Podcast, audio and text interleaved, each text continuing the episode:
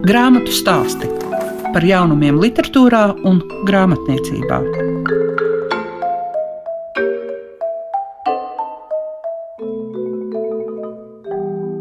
Šīs dienas grāmatu stāstos pievērsīsimies Ilonas Brūveres rakstītajam. Stāsta Juris Strenga, mana grāmatvedība, kā arī dzirdēsit par Noras Ikstenes, Vitālija Judina un Lauras Rimšas durve un paraplāns. Bet vispirms Ilona Brūvere.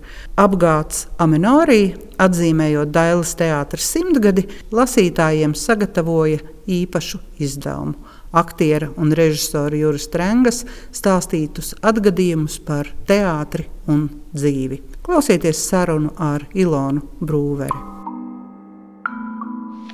Grāmatu stāsti tiem, kam grāmatu lasīšana ir vērtība. Kā vispār tā satikšanās un, un tā ideja ar to Juris Trengu bija? Jo... Viss jau ir vienkārši, jo es nekad neko iepriekš neizdomāju. Man atnāk viss tas un atnāk no kaut kādas konkrētas. Situācijas. Jo tas izdomājums bija grāmatā apgādām Aminorī, mākslas telpai. Un man izdevēja Dārsa Gaiļāvičs jautāja, vai es negribētu rakstīt grāmatu par Juriju Strānu. Es teicu, nu, var Juri, protams, ka var. Tāpēc, kā svarīgi ir, lai cilvēkā būtu tik daudz kā, lai būtu vispār ko rakstīt un par ko.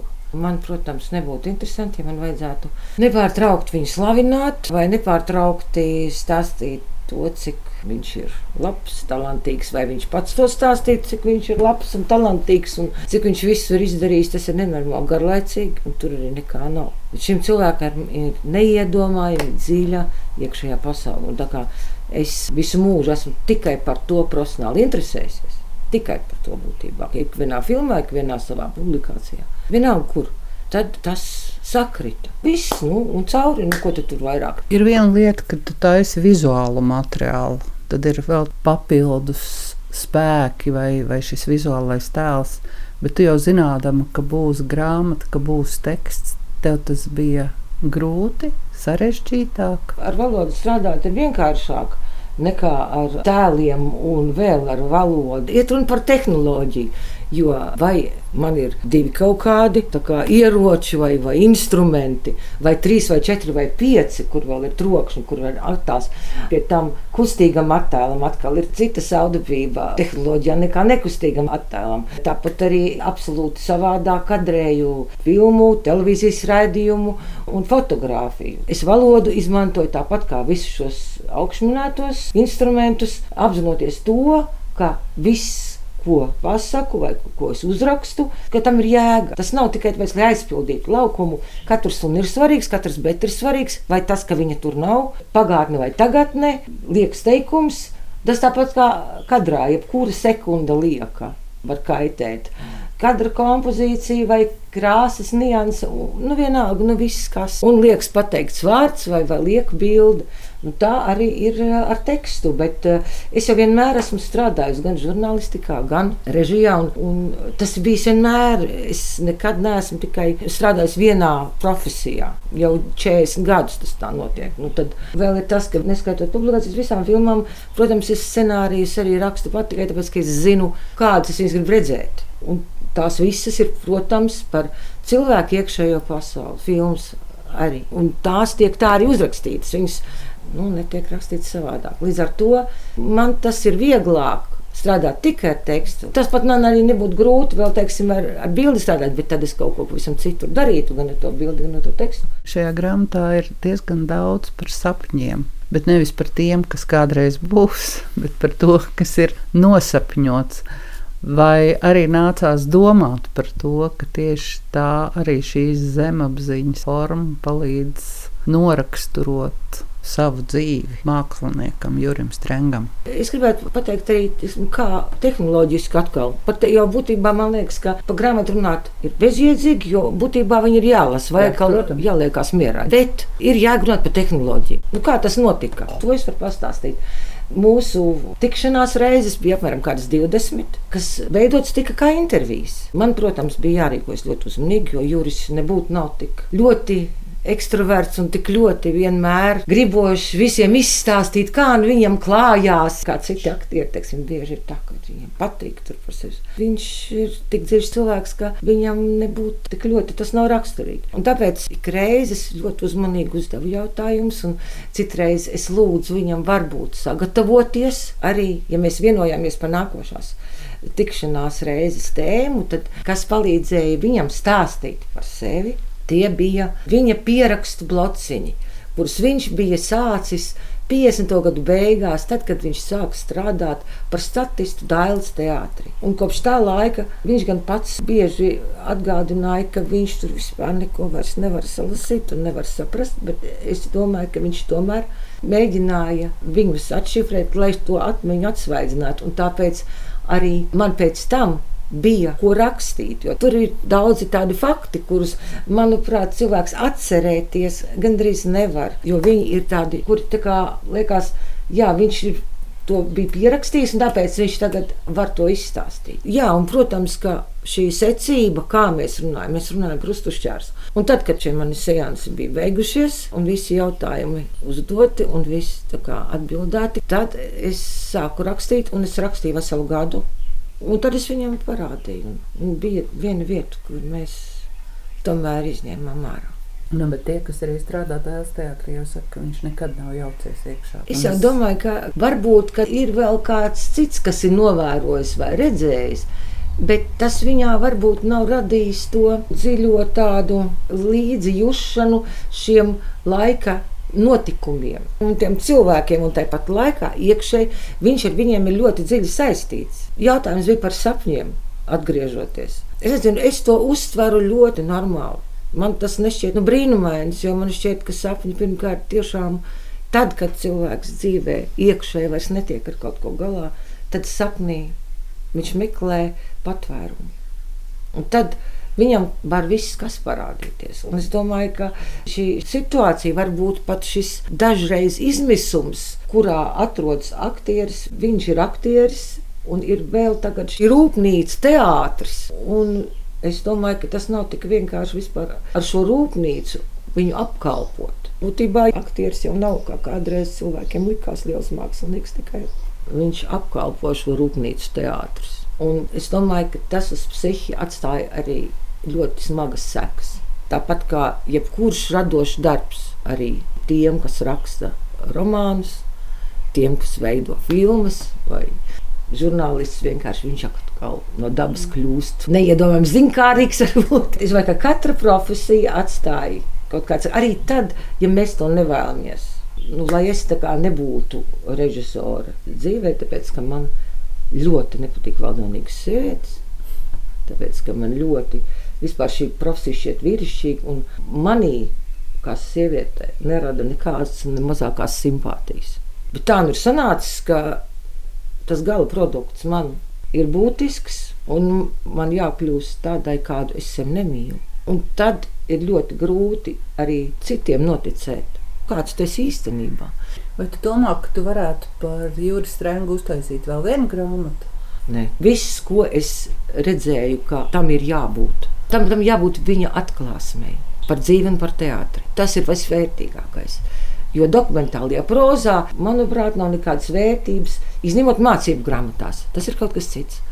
Bet citādāk nav nekādas vērtības tai stāstīšanai tam par to, kā tam it kā vajadzētu būt, bet kā tas īstenībā nemaz nav. Nav interesanti to lasīt. Tās visas grāmatas var izmest ārā. Viņas ir izmet.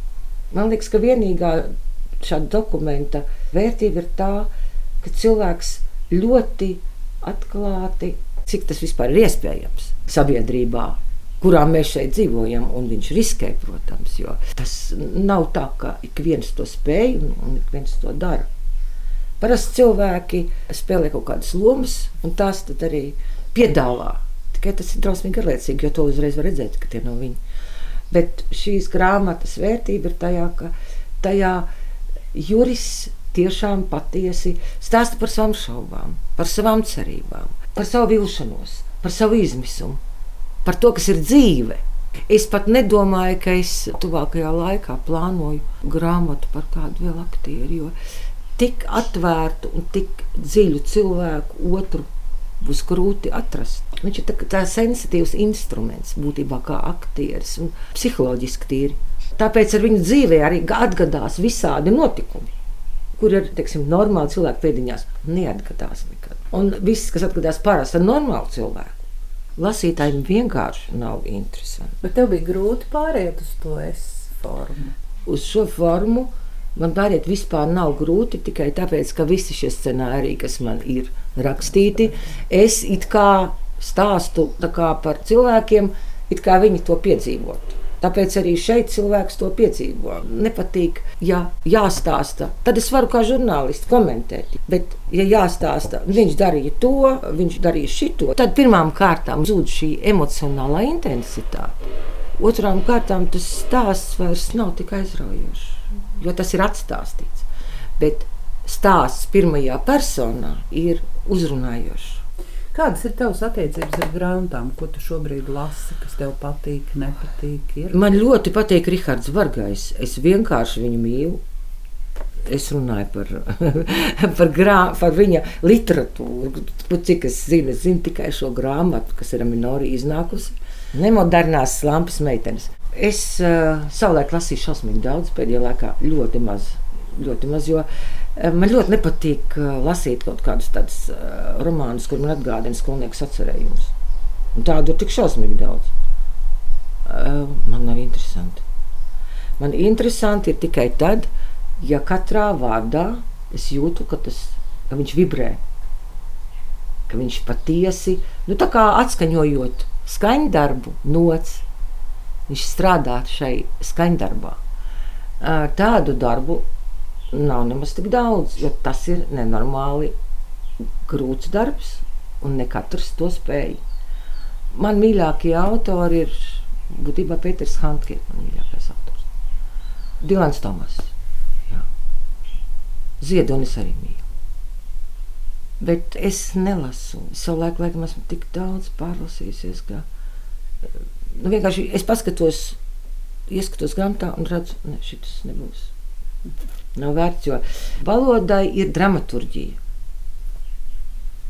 Bet, ja viņi ir tāda pleperēšana, arī ļoti tā, nu, pietiekami tā kā, nu, vajadzētu cilvēks ir augstskolā mācījies, protams, viņš tur ko stāsta vai atreferē, vai, ja man tas neaizrauga, man aizrauga tiešām tikai tad, ja tas ir ar tādu, un nevis mākslīgu um, iekšējo potenciālu, to uzreiz var just kur viņš ir konstruēts, speciāli domāts, bet viņš nav izdzīvots. Rihards Bargais izdzīvo katru savu teikumu. Un to tu redz katrā vārdā. Var redzēt, ka viņš tur iekšā. Un ko viņš tur piedzīvo? Būtībā man pat ir pilnīgi vienalga. Jo viņš zina, ko ar to iesākt, kā to izstāstīt. La, lai lasītājam tas liktos, kas neiedomājami īpašs. Kaut gan varbūt patiesībā tas nemaz tā nav. Mēs jau runājam par daļu literatūru. Tik talantīgs cilvēks, un tad jau var just tādu nenovīdības slānīti, kas apkārt jau pulcējās, jau visādus komentāriņus un tā. Tas vispār ir briesmīgi, ka mēs, eh, bet tas ir visās jomās pilnīgi. Nu jā, tāpēc, ka būtībā viņš ir labāks. Viņš ir labāks par lielāko daļu Mm. Nu, labi, nesaslavēsim, cilvēki pārņemsies un atkal būs sūdīgi. bet, bet kaut kā pašreiz tas ir tāds brīnums. Jā. Mums nebija. Gadiem ilgi tu lasi un liekas, nu, kā nav vispār. Grāmatu stāsti programmā Klasika.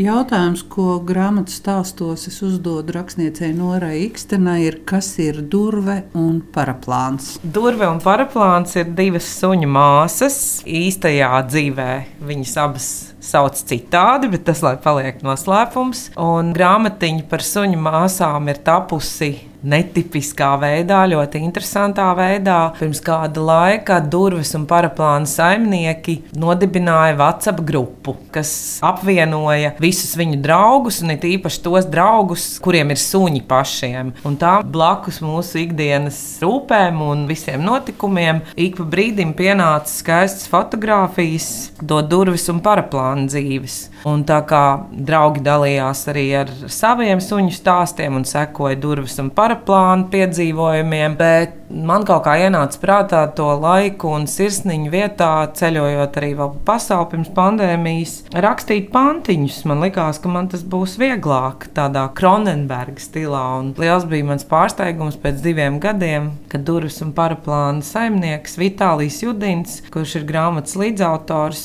bija tos visus pantiņus izdrukājis no WhatsApp grupas un salicis manuskriptā. Un tad vēl viena šīs grupas dalībniece māksliniece un ulubēlas darbiniece Laura Rīmša uzzīmēja skaistas bildītes, un kā vienmēr uzticamā un lieliskā Katrīna Vasiljevska to visu salika kopā un vizuāli noformēja grāmatas veidā, un tā it kā no tādas skaistas draudzības un no tādām mazām spilgtām epizodēm radās grāmatiņa, durvis un paraplāns. Es negribu tev ticēt uz vārdu, es gribu skaņu, es gribu to, lai tu kaut ko no durvis un paraplāna arī noskaiti. Es izvēlējos vienu dzējolīti, tagad to izlasot, liekas, ka tas ir spēlīgs, bet mazliet pravietisks.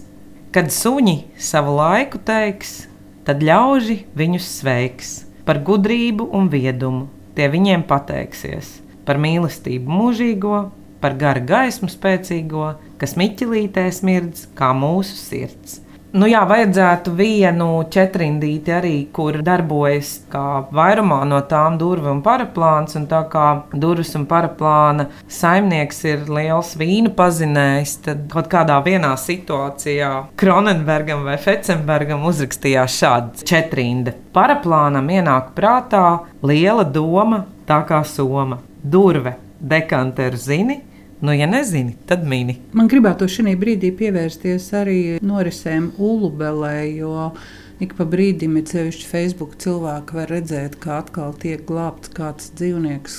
Principā mēs varam redzēt arī savas plašās un netik plašās sirdis pretstatā tiem, kas dara šiem dzīvniekiem ļaunu. Ir iecerēta arī kāda akcija saistībā ar durvju un paraplānu Ulubelē. Jā, 12. jūnijā 11.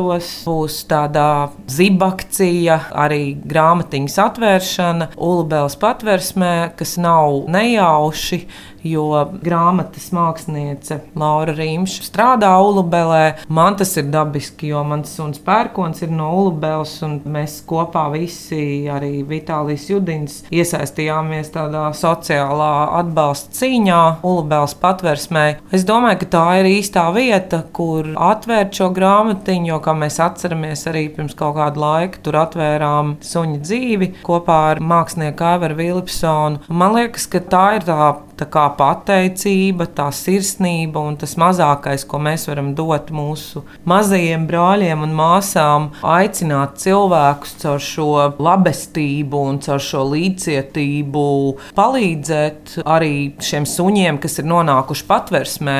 Māra Zālīte, dzēniece, reiz teica tādu lietu, ka Tad, kad cilvēki beidzot iemācīsies saprast suņus, tad viņi iemācīsies saprast viens otru. Man liekas, ka tas viss šajā laikā iet kopā. Ja mēs sapratīsim viens otru, ja mēs sapratīsim savus suņus, savus mājdzīvniekus, kuriem īpaši tuvi esam kļuvuši šajā laikā, tad varbūt arī tas viss pašķirsies kaut kā uz labu. Tā kā, kad suņi savu laiku teiks, tad ļaudis viņus sveiks. Izskan grāmatu stāsti. Šīs dienas raidījumā bija par Ilonas Brūveres grāmatu stāsta Juris Strenga, mana grāmatvedība, kā arī par Noras Ikstenes, Vitālija Judina un Lauras Rimšas durve un paraplāns. Visu labu jums saka Liega Piešiņa.